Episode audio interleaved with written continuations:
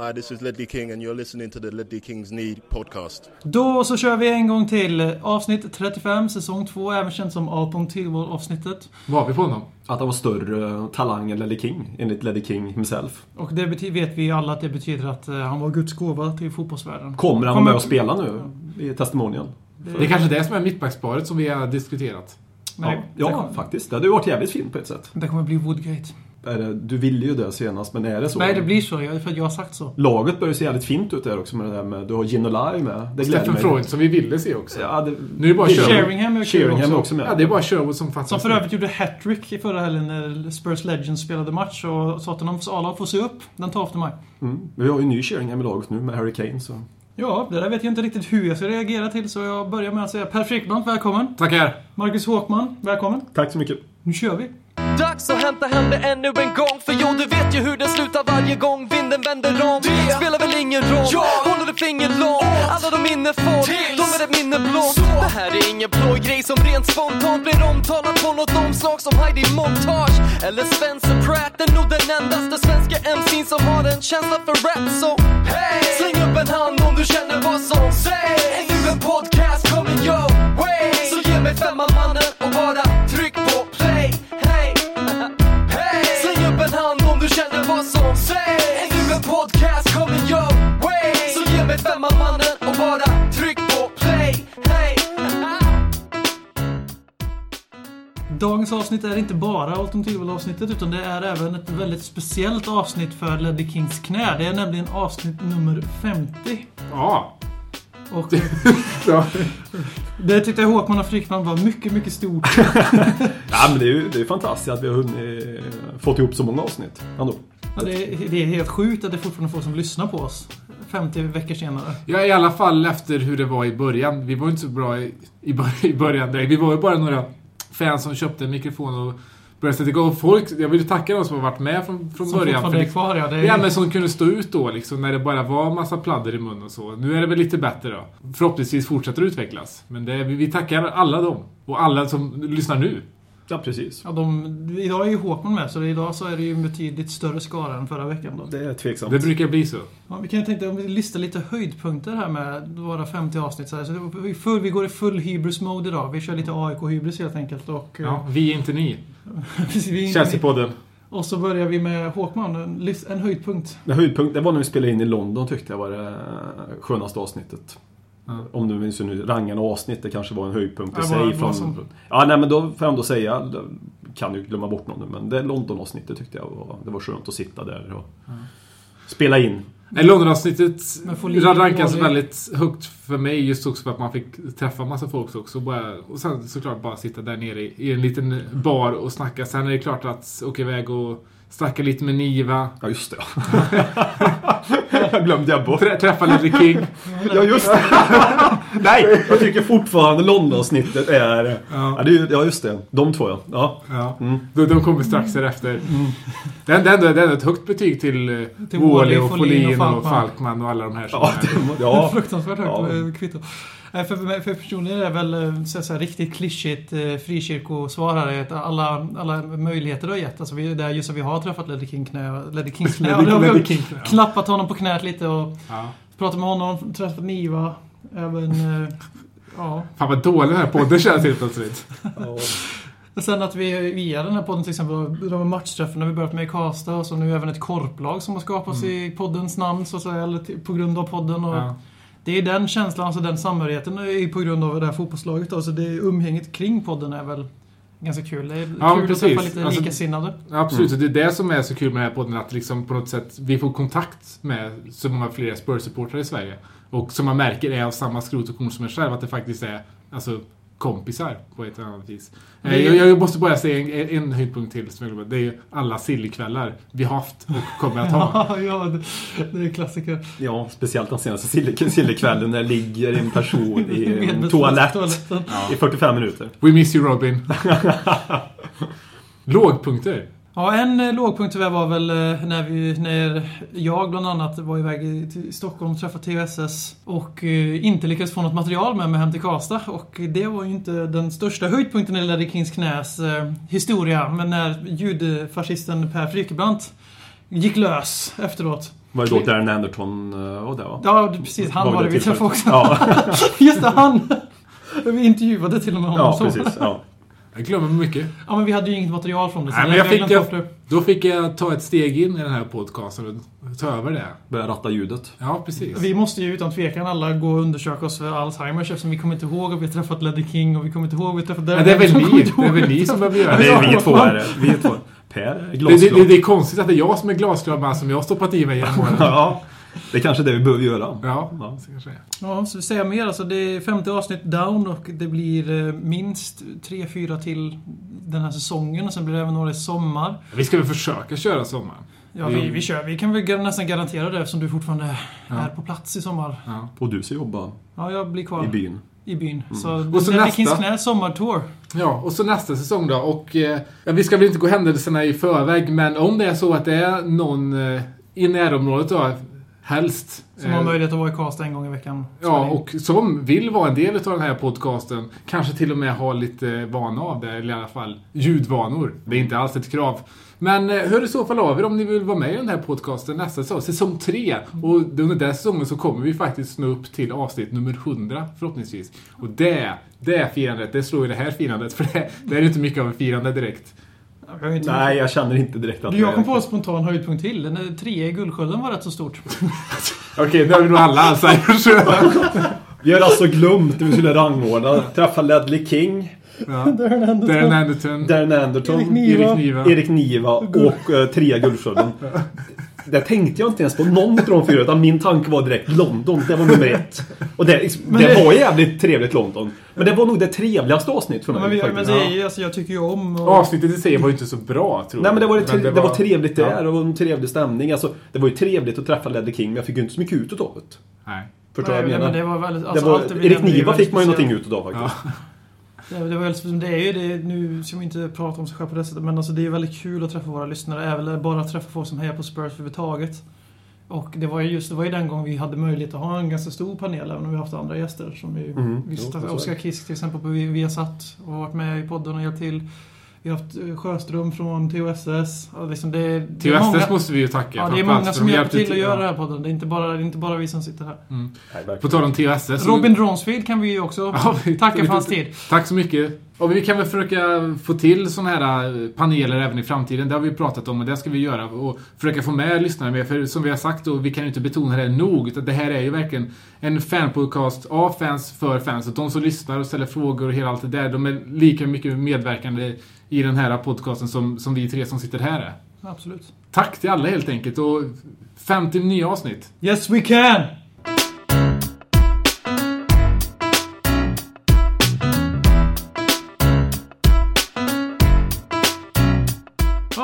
Fortsätta på temat Alzheimer så kan vi, har vi precis tillsammans här i den lilla pausen då kommit fram till eh, att vi spelat mot Fulham och vunnit med 3-1. Och efter gemensam ansträngning så har vi faktiskt lyckats analysera alla mål och spelarkritik och så. Så vi tänkte vi kör tillsammans här nu och så Håkman, hur, hur såg matchen ut egentligen?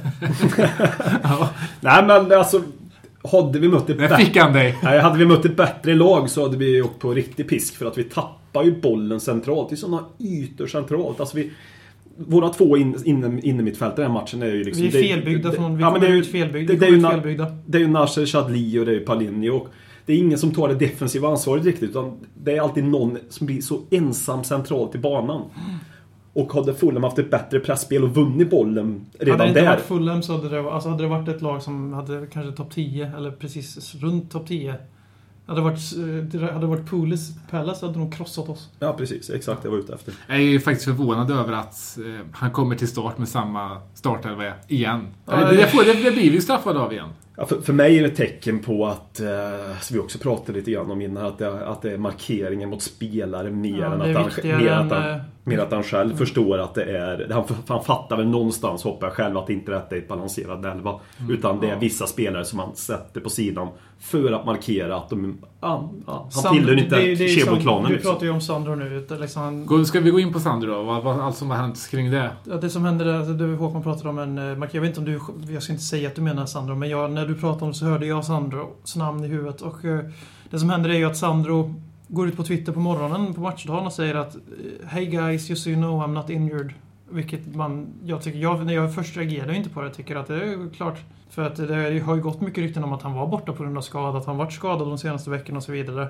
Men eh, sen så visade det sig att det var en direkt peak, eller en hint mot Tim Sherwood. För att när laguppställningen sen kommer ut sen så är Sandro varken på plan eller på bänken. Och vi startar som sagt med Nasser Chadli och Paulinho på centrala mittfältet och Golden Boy Bentaleb som var tvärgiven före Holpi, före Sandro. Vem fan du kan komma på på centrala mittfältet så var också petad då för det felbalanserade mittfältet. Så, eh, som, han blev ju mysteriskt petad i samband med att Sherwood fick riktigt att han skulle få gå efter säsongen. Och nu var det då Sandros tur att hamna i en sån här markering. Och Sandro i sin tur markerade tillbaks. Eh, två grejer om detta. Det första är lite komiska, att nu gnäller vi och nästan beklagar sig inte Bent eller med. Och, ja, alltså, men det var, nej, jag säger inte att det är fel, förstå. Det är bara den komiska delen jämfört med Tugge Tick i januari där att hur fan kan Bentaleb spela nu? Men jag, hur fan kan jag, jag, jag gnäller inte, jag vill nej, nej. göra mig löjlig över Tim Sherwood. Men jag gjorde en liten komisk aspekt ja. bara. Liksom. Den andra är att jag tycker Sandro spelar ett jävligt fult spel. Eh, alltså Sherwood har säkert också spelat fult spel, men om man ser i kritiska ögon mot Sandro. Det är att han, han spelar på sin popularitet. Och det kan ju också vara smart gjort. Han kanske spelar smart. Det är kanske det han gör, att han är smart. Eh, för han, kan vara en VM-grej också. Fan, han har ju ingenting i VM att göra. Nej, det... Det, men han, om Lewis Holpe trodde i januari att han ja, kunde komma i tyska landslaget så tror Sandro att han kan komma i brasilianska landslaget också. Jo, men det är ju tragiskt. Det är tur att de har fotbollen ifall mm. de tror det, för då har de ju inte mycket annat. Men i alla fall, Sand, Sandro, han spelar ju det kortet för han vet ju att han är en gullegris bland Tottenham-supporterna. Och det är liksom, blir lite ledsen när, om, som jag upplevt det nu, det kanske inte är så att många har svalt detta och tagit Sandros parti. Men jag tycker man ska kunna se kritiskt mot Sandro också. Att han spelar ut de här korten på, på ett sätt som bara han, han ser till sig själv mer än till laget. Mm. Alltså, då, då har Sherwood säkert också gjort fel. Det är inte, jag tar inte Sherwoods parti utan han han har ju uppenbarligen misslyckats. har gjort fel. Ja, han har uppenbarligen misslyckats. Han har gjort en kovändning sen i januari när han hyllade Sandro som en av ledarna och nu säger han att Sandro inte är bra nog för Tottenham. Nej, men han det... kanske har blivit sämre också. Ja. Men alltså, han har ju misslyckats med spelargruppen. Det har han tydligen gjort, eh, Chievo. Det har inte lyckats få en harmoni i, i, laget och allt det där. Men det betyder ju inte att, äh, jag gillar inte sättet han gör det på Sandro. Det gör mig jävligt besviken. Och Sandro har inte varit bra, tycker jag heller. Så jag tycker petningen i sig, ja, den är inte konstig. Jag, vet, jag, vet, jag tänkte precis gå in på exakt samma sak. Att peta Sandro är helt rätt. För Sandro, han är inte redo för att starta. Han, är, han har inte varit bra för oss det sista han har spelat. Och, men han har haft problem med skador på samma sätt som man har sett med Kabul och, och Paulinho till exempel. Och Paulinho har ju precis kommit tillbaka och börjat bli bra igen. Jag vill också bara säga det att Paulinho och Chadli gör det väldigt bra när de spelar. Visst, laget är obalanserat, men de två spelarna individuellt sett tycker jag har gjort en väldigt, väldigt bra insatser på senaste. Eh, Shadi har visat att han går hem både defensivt och offensivt och Paulinho börjar komma tillbaka lite till det han var i höstas. Eh, sen så, jag tycker det här är ett bevis på när två parter gör varsitt fel. Ja. Sandro, jag tycker inte att det är något fel i sig i tweetet. Men sen när Sherwood går ut och han, Sherwood tar liksom ett steg till och kritiserar honom, att han är inte bra nog. Eh, han kan liksom formulera sig på ett mycket bättre sätt när han är en, en tränare för en, en Premier League-klubb. Och Sandro går ut på Twitter och svarar med att skriva LOL. Alltså Sandro börjar på något sätt bli, i och med att han spelar på fansens popularitet och allt det där, han börjar bli vår nya Benny. Ja, ja. Han räcker inte till riktigt och han lever på sin popularitet. Han är den nya Benny.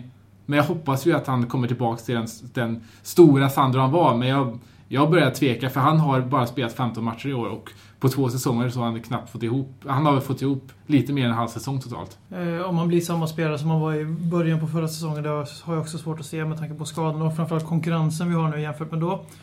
Men eh, sen är det ju så också att det som händer här är ju bara en droppe i, i, i vattnet, eller i oceanen som är Tim Sherwoods eh, haveri som Tottenham är de senaste veckorna. Vi har Sandro-exemplet, som jag, jag tycker båda två gör exakt lika fel där. Men sen bara någon dag innan, jag, nu kan jag tappa lite tidslinjer för det är väldigt mycket saker jag kommer dra nu.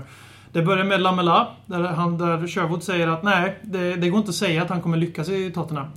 Vilket är helt... Det är så jävla urpantad som fotbollstränare för ett lag som har lagt ut en rekordsumma för en kille som är 21 år, kommer från en annan kontinent och Europa kommer han ifrån, han i Argentina från början och han spelade i Italien innan. Och, och att säga att han, the jury is still out, istället för bara som vilken jävla fotbollstränare som helst som har åtminstone betyget E i pedagogik, gå ut och säga att det är självklart att han kan lyckas med om vi ger honom tid och möjligheten. Nej, men då måste Sherwood visa sig på Steve Alina mot Franco Baldini och säga istället att nej, the jury is still out. Och så, så gör man inte. Alltså, det finns grundläggande regler för hur man bygger upp ett lag. Det är inte svaret. Och sen fortsätter det efter nu då, när han har sagt att Lamela kommer inte spela med den här säsongen. Idag när den här podden spelas in så har Lamela via bakkanaler läckt ut att han är fit for to practice and play. Kan vara språkförbistring, kan vara liksom att de menar att han är redo att börja träna nu.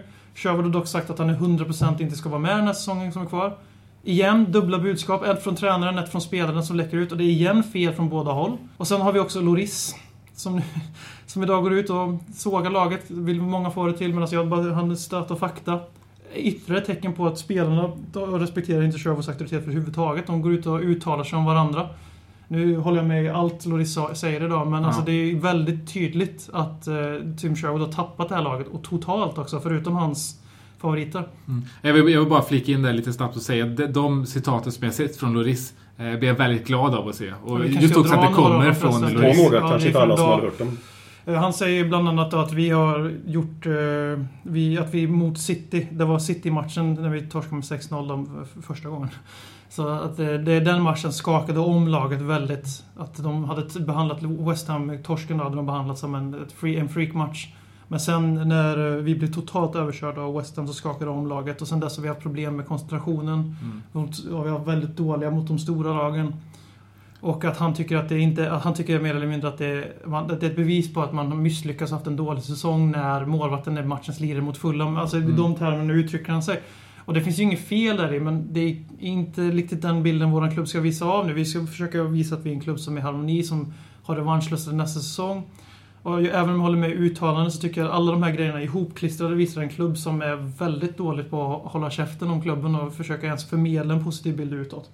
Sen i, i sak så har ju Hugo Lloris helt rätt och Ja. han försöker inte kritisera heller. Nej. Men Och i de situationer som kommer fram, jag, jag tycker också det, det känns som att det finns någon slags eh, passion för klubben i dem ändå. Han snackar väldigt gott om, om fansen och det där. Och, och även om Europa League som inte Ja, ens Tim Sherwood kan snacka gott om. Men nej, jag känner mig faktiskt lite mer positiv till att Loris eventuellt kan stanna efter, efter, efter de här citaten. Bara för, för att jag får känslan att det finns lite mer passion. Nu kommer vissa säkert att säga att Gareth Bale sa exakt samma sak. Det tycker inte alls att han gjorde. För BM satt och argumenterade för det innan vi tryckte på rec här. Men eh, nej, Loris in. Alltså, kommer det ett bud ifrån Monaco eller Paris Saint-Germain, inte för att jag tror att det kommer från accepterar Paris vi Saint-Germain, ett bud så sticker han. så kommer han sticka. Ja. Han har inga speciella tjänster för Tottenham, tror jag inte direkt. Han, jag tror säkert att han trivs och allt det där, men eh, får han in, utveckla sin karriär sätter han nog i första fönstret framför med någon form av Tottenham-fönster. Det är ju väldigt viktigt nu vad som händer. Tror jag. I, ja, det är ju väldigt viktigt. Avgörande vad som händer i sommar. Han, jag sträcker ut hakan och säger att han kommer inte stanna om Tim Sherwood är manager nästa säsong. Det tror jag ganska Jag tror inte det är många att som stannar om. Tim Sherwood stannar. Och det är, Och det är synd, för jag vill säga det, för jag var väldigt kritisk mot Tim Sherwood nu. Jag kan väl outa mig själv då, som att jag vill inte ha kvar honom i klubben om inte det finns absolut inget annat alternativ. nu sticker han ut hakan BM. Nu vågar han. Ja, men vi försöker ha... PKB. Vi försöker, vi försöker ha PK. Han har väntat och väntat. Men eh, för resultatmässigt i ligan, som är tydligen det enda man ska bry sig om när, man, när det gäller Tim Sherwood, så har han gjort det jävligt bra. Väldigt god, eller jävligt bra. Det, vi, han tar poäng mot dem man ska ta poäng. Mm. Lite sämre insats mot dem som vi har svårt mot. Men det går ju inte att säga någonting annat än att det är förväntat den här säsongen. Utan att jämföra, för man ska bedöma varje tränare efter sina egna perso- och inte jämföra med föregående. Utan man bedömer ju människor efter deras egna insatser, vill jag trycka på här. Däremot så tycker jag att en tränare som vinner en cupmatch på, av fyra och alltså när, när det är en match, det är utslagningsmatch, det är en helt annan typ av... Det är en helt annan grej. Utslagsmatch, det är vinna eller försvinna. Vi har vunnit en match med väldigt mycket tur inblandat. Och då igen gå ut och i det läget säga att kvarterslagen i Europa League, bla bla bla. Jag kom in efter vi hade kört alla kvarterslag var utslagna och sen så inte ha en suck.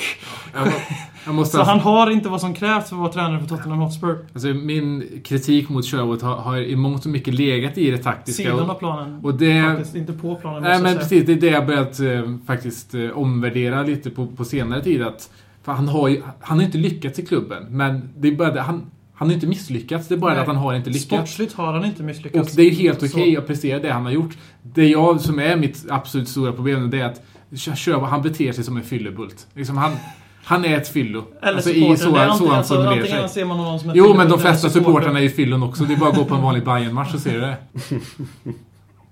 Det kom det, ja. Tystnaden som lägger sig när alla väntar på Håkmans eh, svar på Håkan på Fikabrans Jag tar, jag tar svaret sen när vi pausar istället. Ja, om vi ska gå tillbaka till den där matchen som vi faktiskt spelade och vann med 3-1 så var det ju lite... Det har varit lite snack efter matchen, speciellt med ett om ett visst bråk mellan Tony Parks och eh, Danny Rose. Och då ska vi också veta, ni som har lyssnat på den här podden länge, vet ju även att Tony Parks i fjol blev eh, utnämnd till årets good guy. Så Danny Rose ligger riktigt Ja, och då ska vi också komma ihåg att Tony Parks slog även good guy Rob, Robert Folin. Så det här är ju ingen dussin, dussin lirare som helst det här, Tony Parks. Eh, Snacket efteråt har väl, verkar väl vara som att det var Tony Parks som hade kommit med lite instruktioner eller feedback på, angående markering till Secret Friars och Danny Rose då ska gått in och ha sagt sitt. Um, och det har ju såklart blivit väldigt mycket snackerier om. Just för att Danny Rose är en väldigt utsatt spelare i Tottenham just nu. Jag tycker det är väldigt intressant att se när Tottenham Hotspurs officiella sociala mediekanaler lägger upp bilder på Danny Rose och sen kollar kommentarerna. Så fort det kommer upp en bild på Danny Rose, det är tusentals kommentarer och allt är liksom oh that fucking cunt, I can't believe he's playing for us. Det är ren, rent och skärt hat mot Danny Rose just nu från supporterna. Och jag skulle vilja ställa frågan, när var det en spelare som var så hatad i Tottenham senast? För att han bara var kass så vet jag inte om någon var så här hatad. Nej, för det, det är det som är Jag liksom, kan inte- jag kan inte animositeten. Det är det som är animositeten mot Danny Ja. Rose. Det är att han är Dålig. dålig. Ingenting annat, nej precis. Nej. Han har inte gjort bort sig på något annat sätt i klubben utan han har bara varit dålig på planen liksom. Och det är väl illa nog Han hade sin mystiska skada också dock, när han var bort, försvunnen från jorden. Ja, han, han gjorde ju en Lamela innan Lamela gjorde en Lamela. Men sen kan det ju också vara så om, om man ska vara Danny Rose advokat att eh, det är ju klart att den här kritiken och att eh, kommer till hans kännedom säkert på något sätt. Inte för att han säkert sitter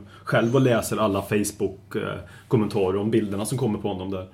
Men eh, ja, han hör väl och tar väl intryck från folk runt omkring att han gör en dålig säsong. Och det, det, han växer nog inte som spelare tack vare det. Nej, och jag, nu vill jag bara säga att jag tycker inte att han spelar i Tottenham på ja, något mer alls. Nej, han- utan alltså- det, det handlar om att jag försöker promota in honom som vänsterback även nästa säsong. Det är, ingen som Absolut tror, inte. det är ingen som tror. Nej, men eh, att, det är ju mycket... Alltså det vi var inne på förut, att klubben mår ju inte bra på något sätt. Nej. Det finns ingen självförtroende i spelarna, det finns ingen harmoni i truppen.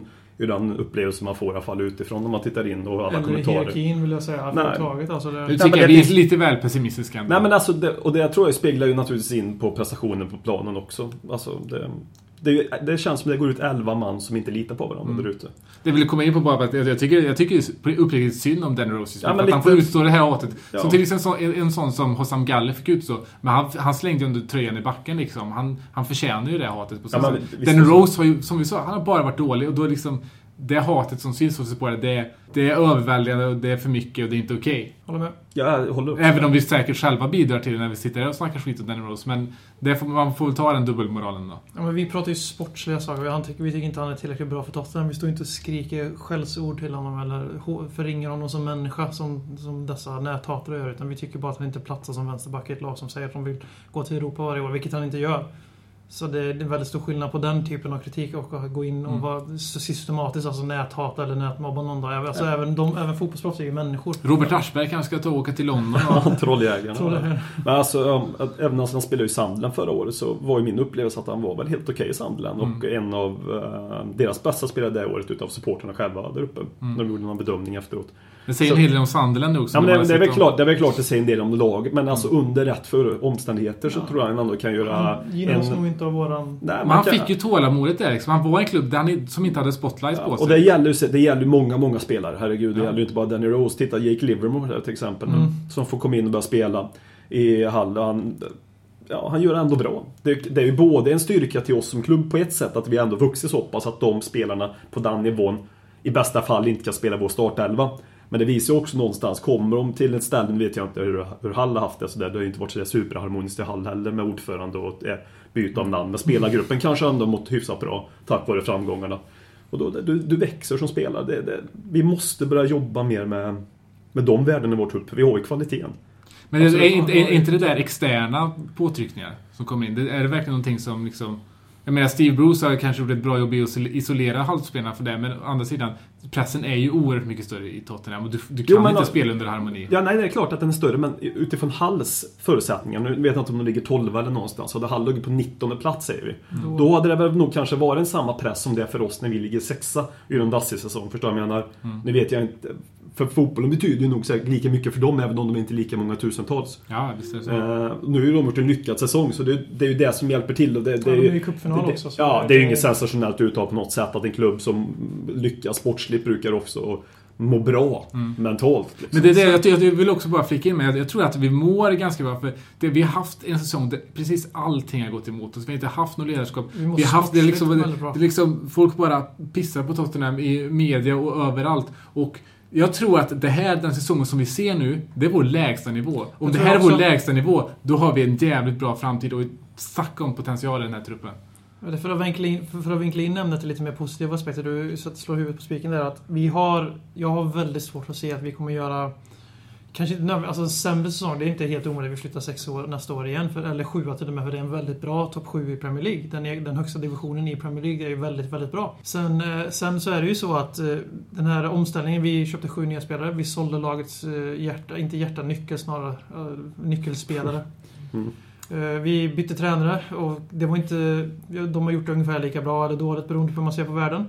Däremot så, det som hände där var att AVB var förespråkade en väldigt annan fotboll än vad Tim Sherwood gör. Väldigt stor omställning. Och eh, när vi jämt, varje gång man byter tränare så är det ett misslyckande för sportsligt eftersom man måste byta riktning mitt under säsong. Och vi, sen har vi haft extrem, extrem skadebelastning den här säsongen. Vi brukar alltid ha mycket skador i Spurs men det här, det här, det här är ju extremt som vi är den här säsongen. Alltså på riktigt. Vi har haft spelare som är borta i fyra månader utan vi får höra ett jävla ord om vad som har hänt med dem.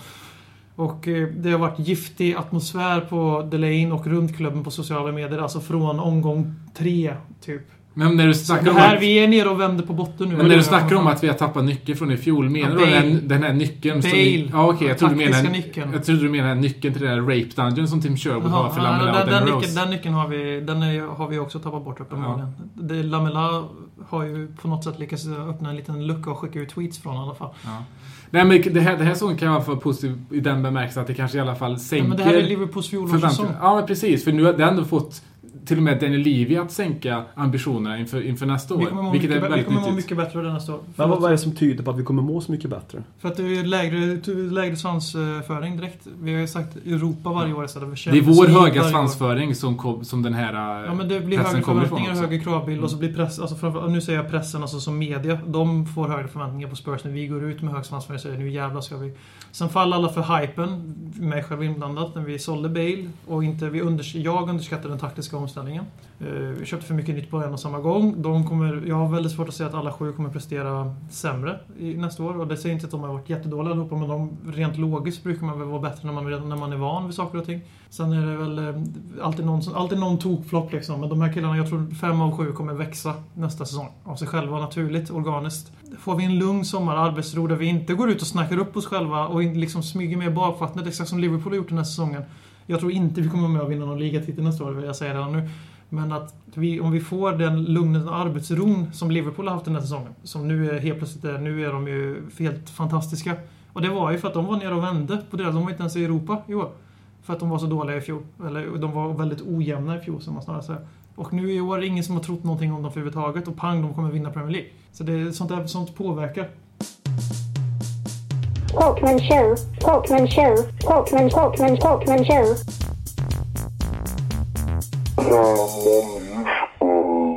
Ja, idag tänkte jag snacka om eh, en spelare som, som jag upplever att 99% tycker att han förtjänar att få lyfta Premier League-bucklan här. Eh, när det nu kan vara 14 maj någonting sånt där. Steven Gerard. Steven Gerard Eh, som jag har sett så, visst. Han har haft en fantastisk karriär. Han har ju vunnit väldigt mycket. Han har vunnit två FA-cuper. Han har vunnit eh, tre ligacuper. En Champions League-titel. Uefa-cup har han vunnit en gång. Så det är en spelare som har spelat i ett lag som har varit väldigt, väldigt bra. Och ju bättre laget är du spelar i, ju mindre beröm tycker jag man borde få för att man är lojal. Eh, för att titta på vårt eget lag, Ledley King till exempel, som spelar ett jävligt brödgäng som vi har varit under många, många år och ändå stannar kvar. Det är en riktig jävla legend. Eller Totti till för den andra delen i Roma. Som har vunnit, visserligen Serie A en gång som jag vet, han kanske vunnit något mer. Och ändå stannar kvar. Det är också en spelare som ska ha ja, förtjänst. Eh, nu skulle detta handla om Gerard, men jag vill också lägga in en liten brasklapp mot Ryan Giggs som, som många berömmer så eh, den extremt lojala spelaren som har stannat i United. Det, det har han ju gjort, det är bara att titta på fakta.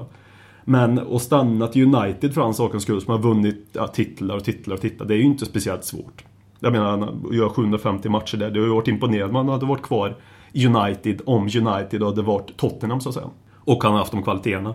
Eh, det, det är ju det som är min poäng med Gerard. Det han förtjänar, som jag inte ser. Alltså, visst, det var roligt för honom. Han får lyfta bucklan. Men han förtjänar verkligen inte det mer än någon annan. För han har ju en jävligt fin silverskåp hemma med många troféer redan. Så tack så mycket! Talkman show. Talkman show. Talkman Talkman Talkman show.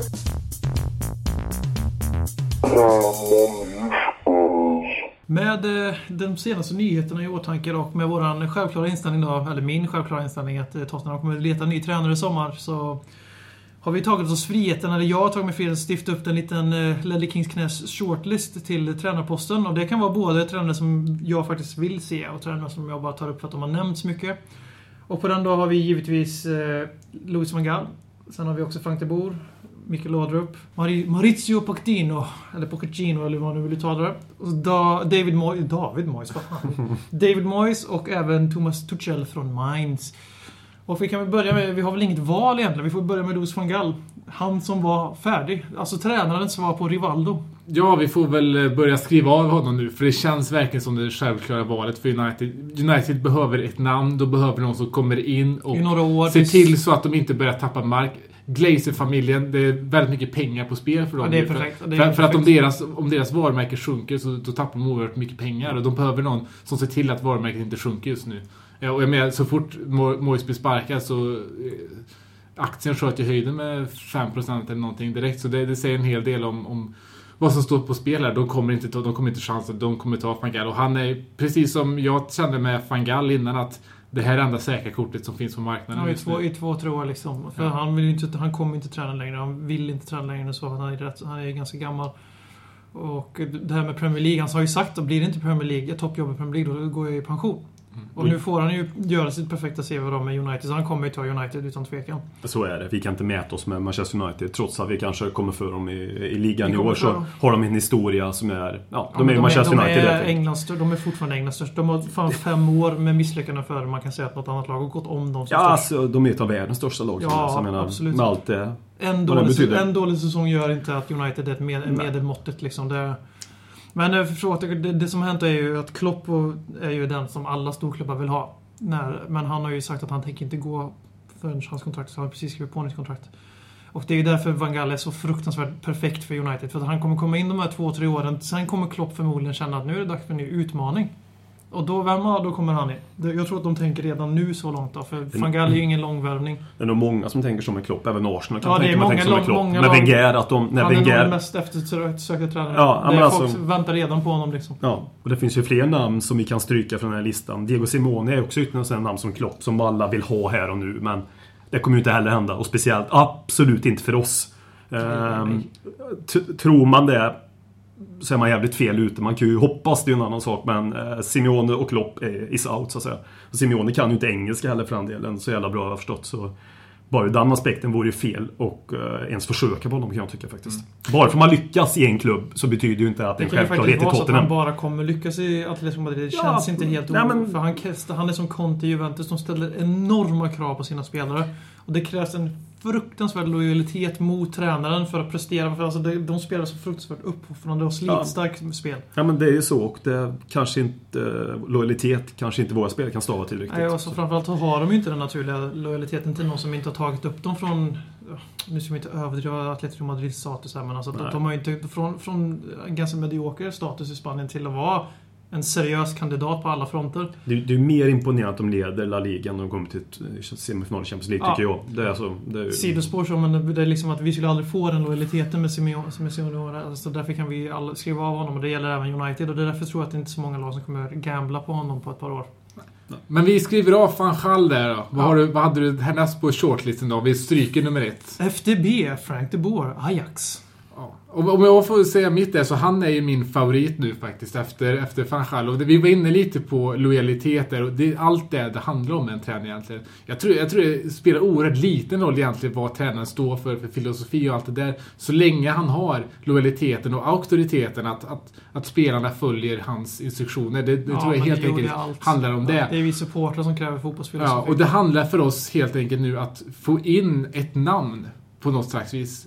Frank de Boer är inte den auktoritära typen, så, som till exempel van Gaal, men han är namnet ändå. Så Han är åtminstone en före detta storspelare och, och en bevisad vinnare. Ja, så han precis. har Och ju så- lite respekt. i Och, så där, och där skulle vi också få in en ny vänsterback som kan peta Danny Rose. och det, det är kanske det vi har med nästa vänsterback. Nu är jag med dig. Ja, Nu är jag med dig. Tack.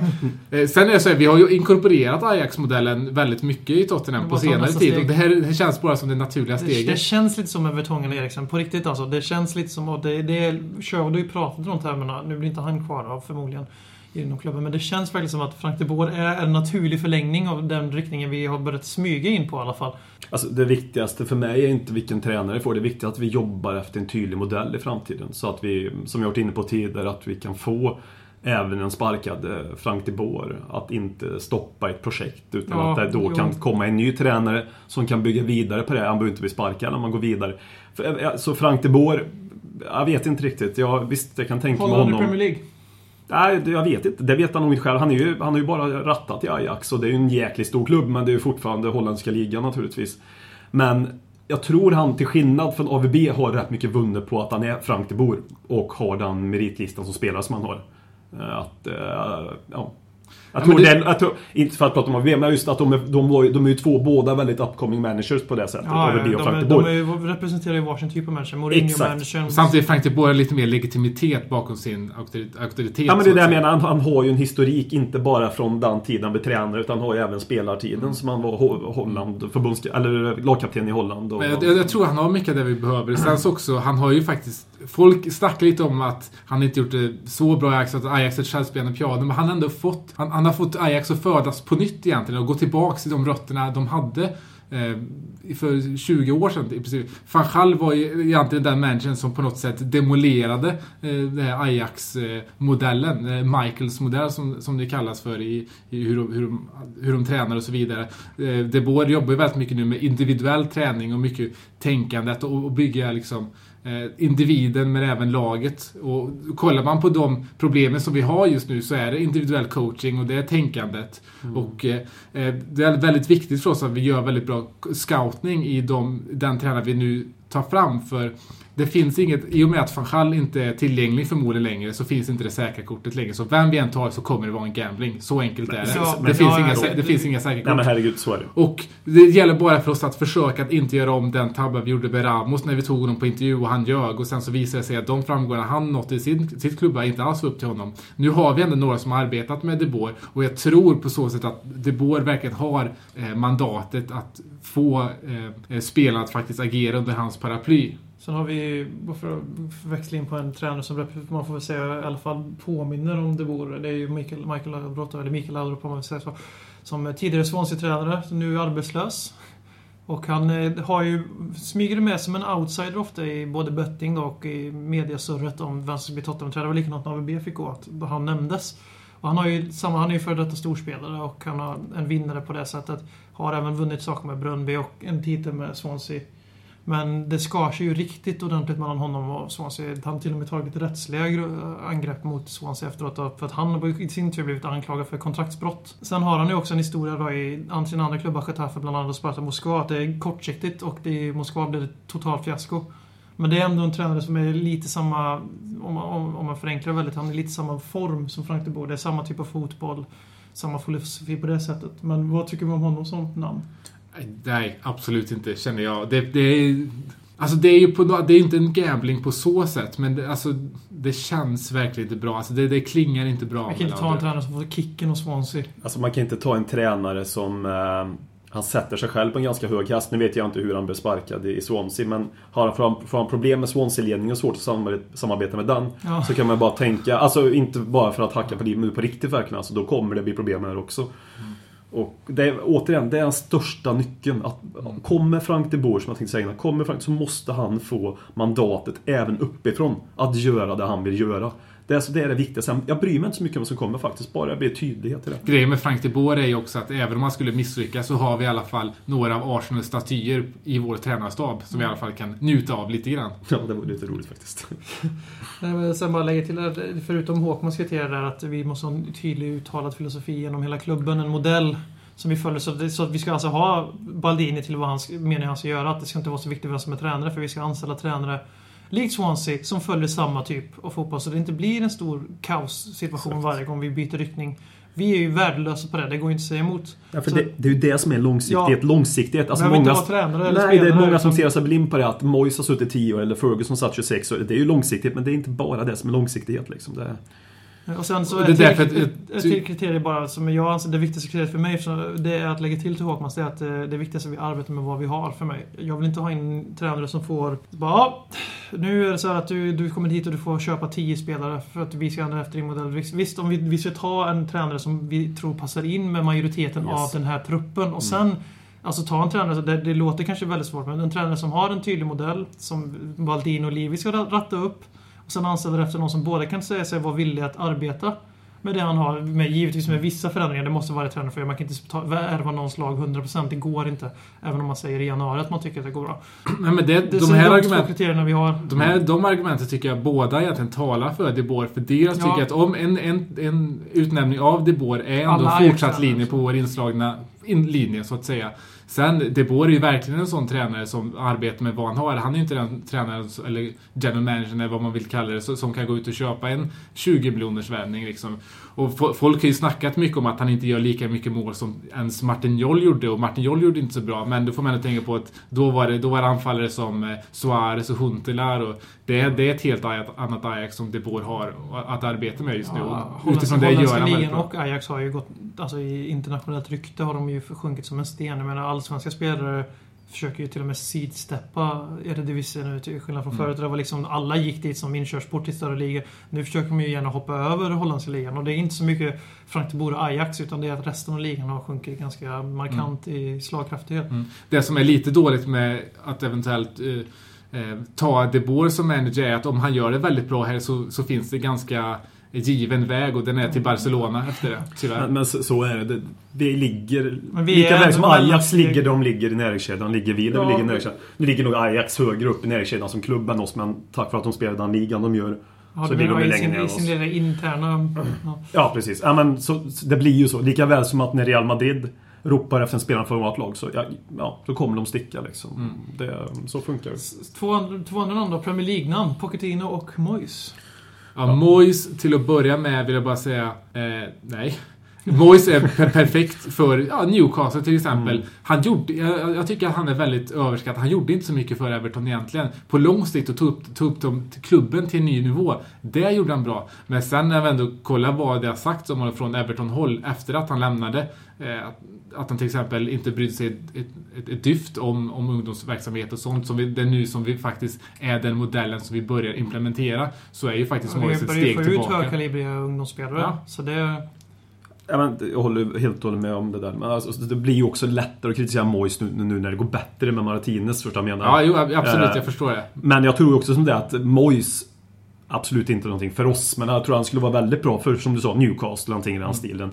För han, det han gjorde bra i Everton och den nivån utav klubbar, där han behöver liksom ändå laborera lite mer med pengarna. Han hittar rätt bra spelare för ändå en billig peng som Miralas till exempel. Och det- Fast ja, om vi går in på värvningar och så, så tycker jag också det att han är överskattad. För... Ja, United tycker han är överskattad. Jo, men jag tycker äv- även i Everton, för kolla Ja. vad, vad det var han la stora pengar på. Det var Beatty, det var Jacobo. Ja, de, det, sto- ja, de stora som misslyckas oftast. Mm. Det var när han fick för mycket pengar ja, och fick men handla för de, mycket. ja, men de värvningar som har blommat ut, det, de har ju faktiskt ändå blommat ut efter. Tim. Cahill. Undantaget som Ja, brukar- nej, ja, men alltså, det. Ja.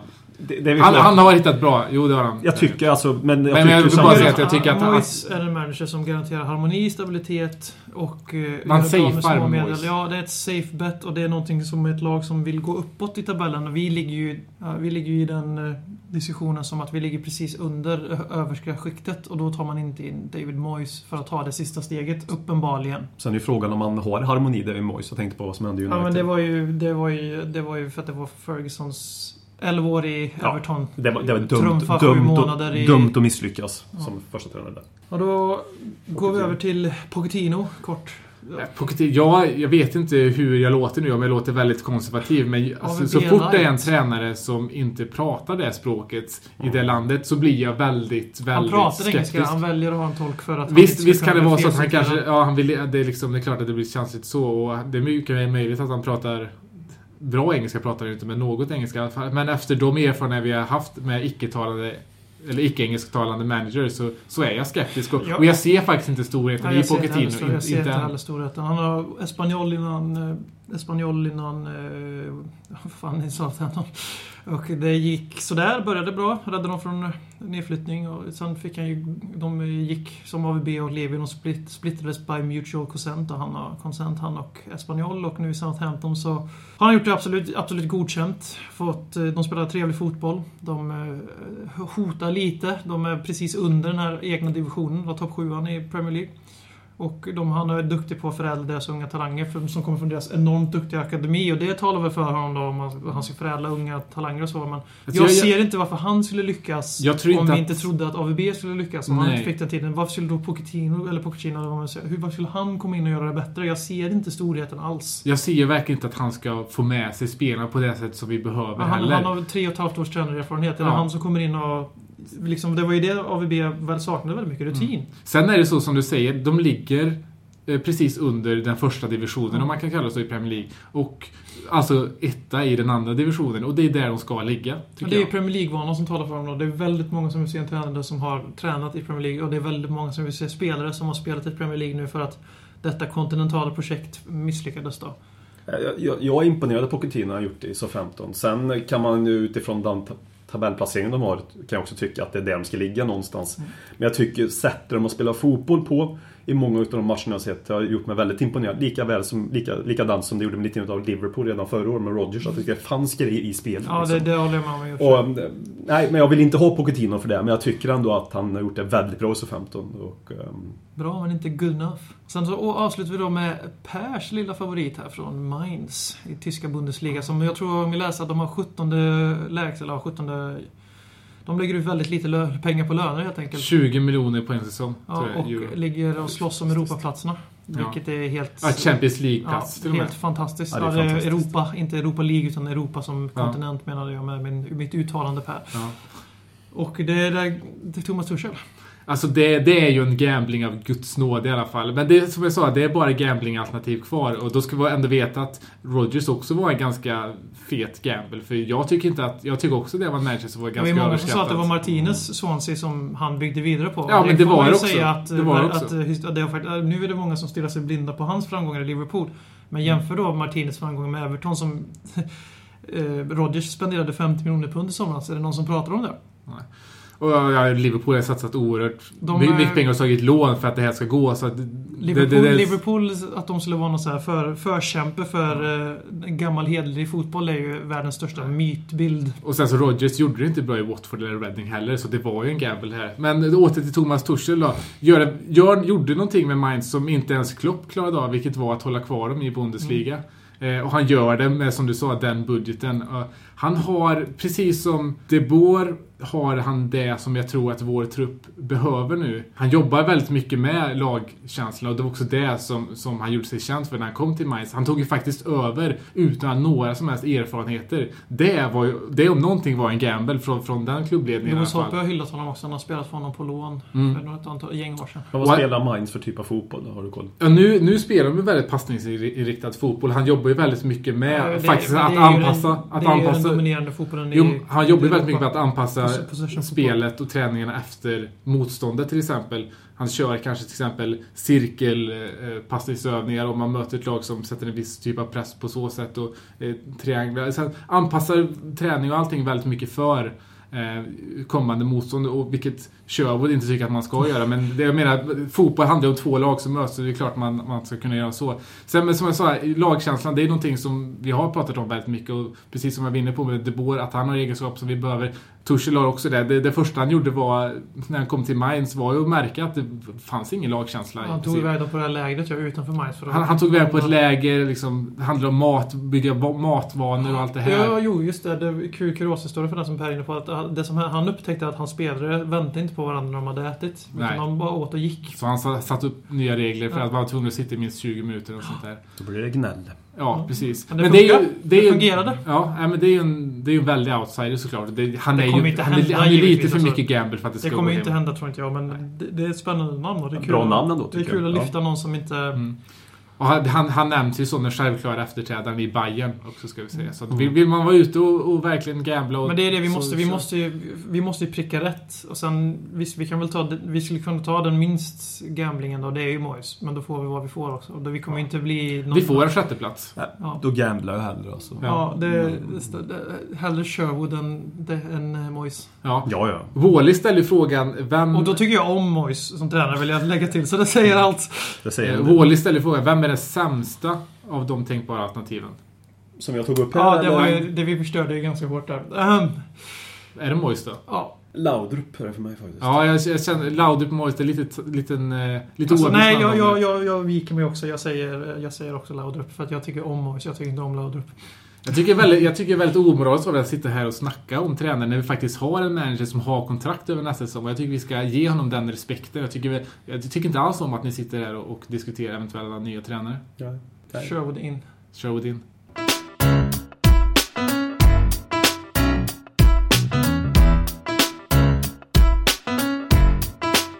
Yes, säger jag och öppnar frågestunden lite på samma sätt som Håkman bru- brukar öppna sina Håkman shows. Vi börjar direkt med frågorna från er, alltså ni som gör den här podcasten. Vi börjar med en fråga från Facebook från Joakim Hindborg och går tillbaka lite till tränarstacket. Nämligen en, en, en tränare som du glömde i din shortlist. Eller kanske säger- medvetet. tog Säger bort. allt. Ja, nämligen Allegri som det har snackats en del om. Han frågar om det inte skulle funka med vårt material och eh, hans syn på fotbollsspelandet. Med tanke på att vi är en uttalad vänsterpodd. Han är ju faktiskt född i Livorno. Så eh, är inte han lite gjuten i Tottenham? I alla fall i vår synsätt. Vad, vad säger ni om det? Fan, det visste inte att han var... Det var mycket jag inte visste där. Att han var från Livorno kände jag inte till. Nu Eh, känner jag att jag vill ha honom på tränarposten. Mm. Han gjorde sina första mål i Livorno. Okej. Jaha, ja. Ja. Allegri in. Allegri in. Ja, Allegri är självklar. Bara, bara enbart för att han är född i Livorno. Ja, det räckte. Välkommen Allegri. Andreas Franssons frågar på Twitter Får jag vara med i podden boys? Jajamän, får du. Kom hit Ja, du är till Karlstad välkommen. gång. Så Det är länge du vill prata om pressspel och trianglar. Mm. Alla är välkomna. Ja, Även ja. om det är, det är inte bara du Andreas, utan vill ni så på riktigt, kom hit. Faris skriver också en fråga på Twitter. Han frågar Kyle Norton eller Danny Rose, vem är sämst out of form? Ett, det är väldigt coolt att han är så engagerad i vår podcast att han har fått liksom ett artistnamn. Tack för det Faris. Har han fått ett artistnamn? Han, du säger bara förnamnet. Ja. Jo, Men det är för att han det är ju inte det ett artistnamn, det är hans förnamn. Det är Ja, som att du det- kallar mig Per. Nej, men, nej, Det är väl- det är väl det, rätt. är som brassarna i land och det blir coolare så. Ja, det blir vackrare så när det är fotbolls-VM i Brasilien. Det, det var mitt sätt att tacka honom för att hans engagemang i podden, och det bara förstör det. Tack Faris. För att besvara frågan. Kyle Norton är bättre än Danny Rose, alltid oavsett. Sheffield Madini slår alltid Danny Rose. Ja, det går inte att säga på något annat sätt. Fan vad jag önskar att jag visste vart Danny Rose var ifrån så jag kunde liksom... Sheffield Madini mot Lutons... Leeds är han från. eh, Leeds, någon skitdålig fotbollsspelare. Leeds Aaron Lennon. Ooh! Nej, det håller jag inte med om. Ah! Eh, Lars Corneliusson, också någon vi får tacka här faktiskt, som Mm, också skrivit mycket. Eh, vem anser ni vara Player of the Year i Spurs samt, samt i hela Premier League? Jag tar Hugo Lloris för att han har varit med från match 1 och varit vår bästa spelare konsekvent så. Men sen Christian Eriksson utan sin skada. Eller i Sherwood-form hela säsongen. Eller Ad- Adebayor. Om han har fått spela hela säsongen och presterat som han gör för Sherwood så hade ju de två förmodligen blivit ett och två för mig eftersom de har bidragit mer till konkreta poäng medan Loris bara har varit den där enda stående, stående flaggan i stormen som har varit Tottenhams säsong 2013-14 och därför vinner han då för att han har varit med från Game One och det är ju varken Eriksen eller Adebayor spel att de inte kan tävla då. Ja, det var ju din Player Ja. of the Year. Ehm, min Player of the Year är Eriksen. Eh, för att han har varit på en nivå som jag aldrig kunnat drömma om han har varit. Han har Ja, liksom blivit en offensiv Modric nästan. Det är ju som BM säger det med Lloris, att han är ju, om man ska liksom se från omgång 1 till omgång 35 där vi är nu, så är det han som har presterat bäst över hela säsongen så sett. Men toppen jag sett av Ja, Eriksen har, absolut. Det- det har har- överraskat mig så pass mycket så, inte för att jag trodde han var dålig på något sätt, men... Sjuk första säsong i Premier League. Ja, verkligen på sista tiden. Bra. Fasta situationerna där, förutom vid hörnorna då som inte riktigt sitter. Men när vi får en, som de här två målen mot Fulham, när vi, när vi får bollen vid det läget, han står de så fruktansvärt bra. Och det är inte bara därför jag tycker han är årets spelare i Tottenham, utan nej. När jag tog upp eh, Adebayor som en kandidat till årets spelare så blev jag utskrattad i den här podden för att han inte hade eh, eh, levererat konsekvent under säsongen. Och för att han är Adebayor. Plus att han har bara spelat 15 matcher då säsongen typ. Och för att han är Adebayor. Eller ja, 19 blir det. Men det jag tänkte i alla fall komma till var att Eriksen har inte direkt levererat konsekvent över säsongen heller. Men jag håller ändå med Håkman. Han är Player of the Year i Spurs just för att han har faktiskt gått in och tagit den rollen som talisman. Den rollen som har varit vakant väldigt länge. Och nu när man sitter, eh, precis som i fjol, när vi har frispark, ja men den här sitter. Man är det- nästan inte ens orolig. Alltså det känns så inte att han sätter den direkt i mål Jag själv. tror att det ska han- kunna bli mål i alla fall. Ja, precis. Han levererar två bra assist från fasta situationer nu senast. Mm. Sen var det vilken vi trodde som var årets spelare där också. I hela Det kommer ju skiten. bli Luis Suarez. Ja, om, det inte, finns- om, inte, om inte St- Steven Gerrard får någon jävla fjoll-utmärkelse bara för att han är Steven Gerrard och han ska få både ligatiteln och det. för- det, för att det han- är Luis Suarez. Han förtjänar att få den Steve Gerrard. Nej, det finns ingen annan än Suarez. Suarez. Ja, och eh, vi tänkte att vi, det är ingen fråga från lyssnare tyvärr, men det är en fråga jag sett på The Fighting Cock som är, vad man säga, inspiration för den här podden, måste jag villigt erkänna. Nej, till, till att vi startade Ja, podden. det var, det, det var det jag menade. Ja. Eh, Och från deras forum så hittade jag en fråga som jag tänkte vi skulle avsluta på en filosofisk ton här. Och det är Mm. att då var frågan är, älskar du fotboll mer än vad du älskar Spurs? Eller älskar du Spurs för att du älskar fotboll? Eller tvärtom, vi börjar om formuleringen.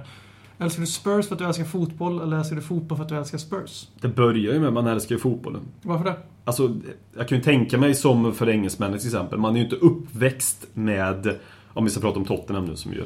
Man är inte uppväxt med Tottenham i, i någon sån här uppväxt. Alltså man är inte uppväxt och börjar hålla på Tottenham helt enkelt. Eh, Och då börjar man ju titta på fotboll innan man börjar titta på Tottenham. Ja, Sett ifrån den aspekten. Eh, Så, nej.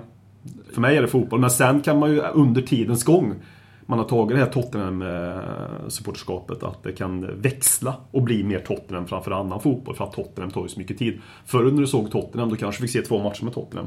Nu kan du se 38 matcher nu med Tottenham, matcher sju matcher i Europa League. gått på Viaplay och jag men- stressar redan upp mig över det. Det säger en del om hur tiden har förändrats. Ja men du kan se på allting och då kanske inte, sam, det kanske inte finns samma eh, tid för folk och se 14 matcher till i veckan. Och då blir det kanske mer ett Tottenham-intresse än ett fotbollsintresse tack vare ja, mängder av Tottenham-matcher vi kan se på TV. Mm. Jag tror vi är väldigt mycket inne på rätt spår där just med att eh, Tottenham-supportrarna i Sverige har nog en helt annan eh, utgångspunkt än till exempel de i London som faktiskt växer upp med eh, ett Tottenham-supporterskap.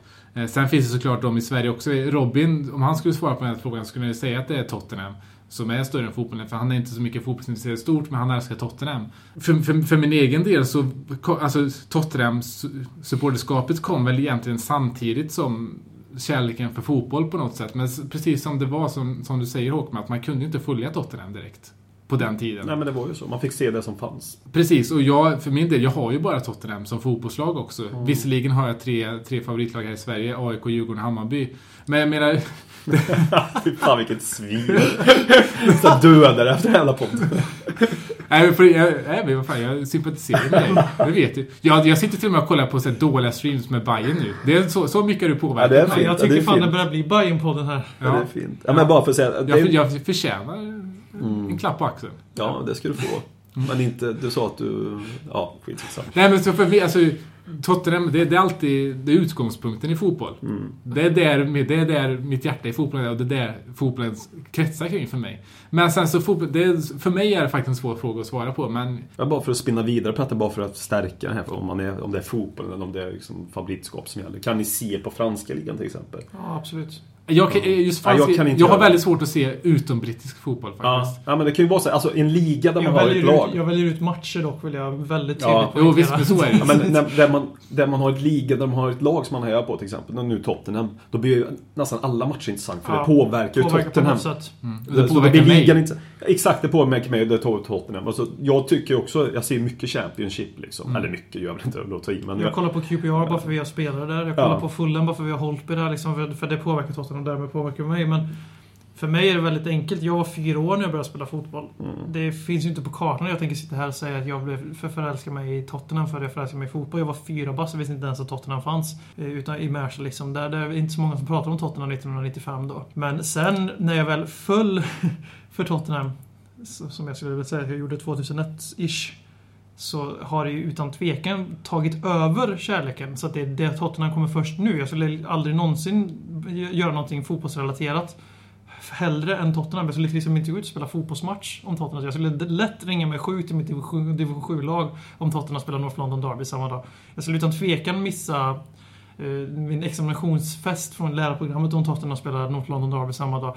Så liksom, eller typ vilken match som helst för dem, så heter det. vara helt ärlig. Men- så Tottenham har ju ko- kommit över och blivit nummer ett och nu anpassar jag ju all min fotbollsintresse efter Tottenham. Men det var inte Tottenham som var först. Det är inte de som är hönan där som jag är en av de som tycker att hönan kom före ägget. Hur många hela matcher i veckan ser ni? Under en normal, eller under en helg kan man säga. Eh, Spurs, det är en. Palermo brukar jag titta på, men de krockar väldigt ofta tyvärr. Uh, Zenit har jag börjat kika på lite. Eh, sen om det är någon härlig match, som alltså storlag möter Landar på fem sex matcher i Ja, veckan. lätt, lätt. Ja, för mig fem sex år. Men det är ju brittisk fotboll. för jag holländska och eh, eh, mycket jugoslavisk fotboll också. Jag kollar, jag kollar på... älskar dig för att du gör det också. Ja, jag väljer bästa matchen som går på... Om, det, om vi har PSG Monaco så har vi Swindon på stream. Då kollar jag hellre på Swindon för Pritchard och grabbarna. Men jag väljer ut matcher. Så här, räknas det om man kollar två matcher samtidigt Ja. som två olika matcher? Det måste du göra, för jag kollar alltid på två skärmar nästan. För det krockar ju för fan alltid. Ja, jag, Om inte Tottenham spelar då skillnad. givetvis. Men sen mitt fo- jag får också säga att min kärlek för Tottenham har också på, på samma sätt som kärleken för fotboll innebar kärlek för Tottenham så innebar även kärlek för Tottenham mer kärlek för fotbollen. På något sätt. Ja. Att jag faktiskt kan titta på fotboll och uppskatta andra delar av det. Jag kan titta på taktik och hela den biten. Ehm, Så det har jag... och det är ju inte, det är inte bara... Det, det, är en cirkel. En cirkel. Ja, det är inte bara, för mig är det inte bara fotbollen jag tittar på. Eller? Det är liksom, det är ju hur det är runt omkring på arenan Mm. som smittar av mitt intresse i vissa ligor. Sådär, sådär. Så Boca Juniors brukar jag se ibland på stream. Mm. Eh, Det är, en fantastisk inramning och det smittar ju av. Det är matchen, för mig gör det matchen bättre. Mm. Eh, Du har, ibland har, jag ser ju en del Serie A också, men det finns jävligt mycket sömniga lag i Serie A. Ja, Udinese till exempel, där de spelar på sin hemmaarena. för oss anglofiler så är det bara Premier League som inte finns sömniga matcher. Det är så för mig. Jag tycker inte någon Premier League-match är Nej, sömnig. men det, och det, Premier League kan bli sömnigt för mig för att det är så jävla tyst på arenorna ibland också. Ja, det, det är den aspekten. Det är fullsatt. Som senast mot Fulham. Ja, men titta nu Atletico de Madrid till exempel, när de spelade hemma mot Chelsea. Alltså Chelsea-spelarna måste ju fått en chock när de gick ut på den här arenan. Ja, utan det. tvekan. Alltså det var det 50 000 ungefär och det låter ju också som 50 Bernabéu 000. lät som helvete igår också Ja, faktiskt för en ja, gångs ja, de ska fan inte ha någon beröm. Nej, nej, men- men men, men då, då, då måste ju de börja fundera, Chelsea-spelarna. Vad, vad, vad gör våra supportrar? De får ju inte sjunga heller. Ja, det gör de ju. Gaskammarljud och allting där. Spurs, Ja, men det, där med, det, det, Switch. det är mycket som spelar in för mig, inte bara fotbollen så här, så här utan Vi, kan- vi, vi kan go on and on med Det den här diskussionen. bra Eh, diskussion. Vi ses på division 3-arenorna i sommar. Ja, precis. Ja, det är genuint. Och vi hörs nästa vecka. Vi ska eh, gästa Stoke och vi hoppas kanske att eh, Sandro är tillbaka i startelvan bara för att ge, ge igen på våra kära Charlie Adam. Som har ju faktiskt har hotats på Twitter tidigare under året. Så vi får se om det blir någonting där i alla Å, fall. årets Twitterbild. Eller årets Instagrambild i alla fall. Ja. Ja, Vi hörs då! Hej! Dags att hämta hem det ännu en gång För jo, du vet ju hur det slutar varje gång vinden vänder om Det spelar väl ingen roll, håller ett finger långt Alla de minne får, den blå. Så. Det här är ingen blå grej som rent spontant blir omtalat på något omslag som Heidi Montage eller Spencer Pratt. Det är nog den endaste svenska MC'n som har en känsla för rap. Så hey! släng upp en hand om du känner vad som sägs. Är du en podcast coming your way? Så ge mig femma mannen och bara tryck på play. Hey! hey! Släng upp en hand om du känner vad som sägs. Är du en podcast coming your way? Så ge mig femma mannen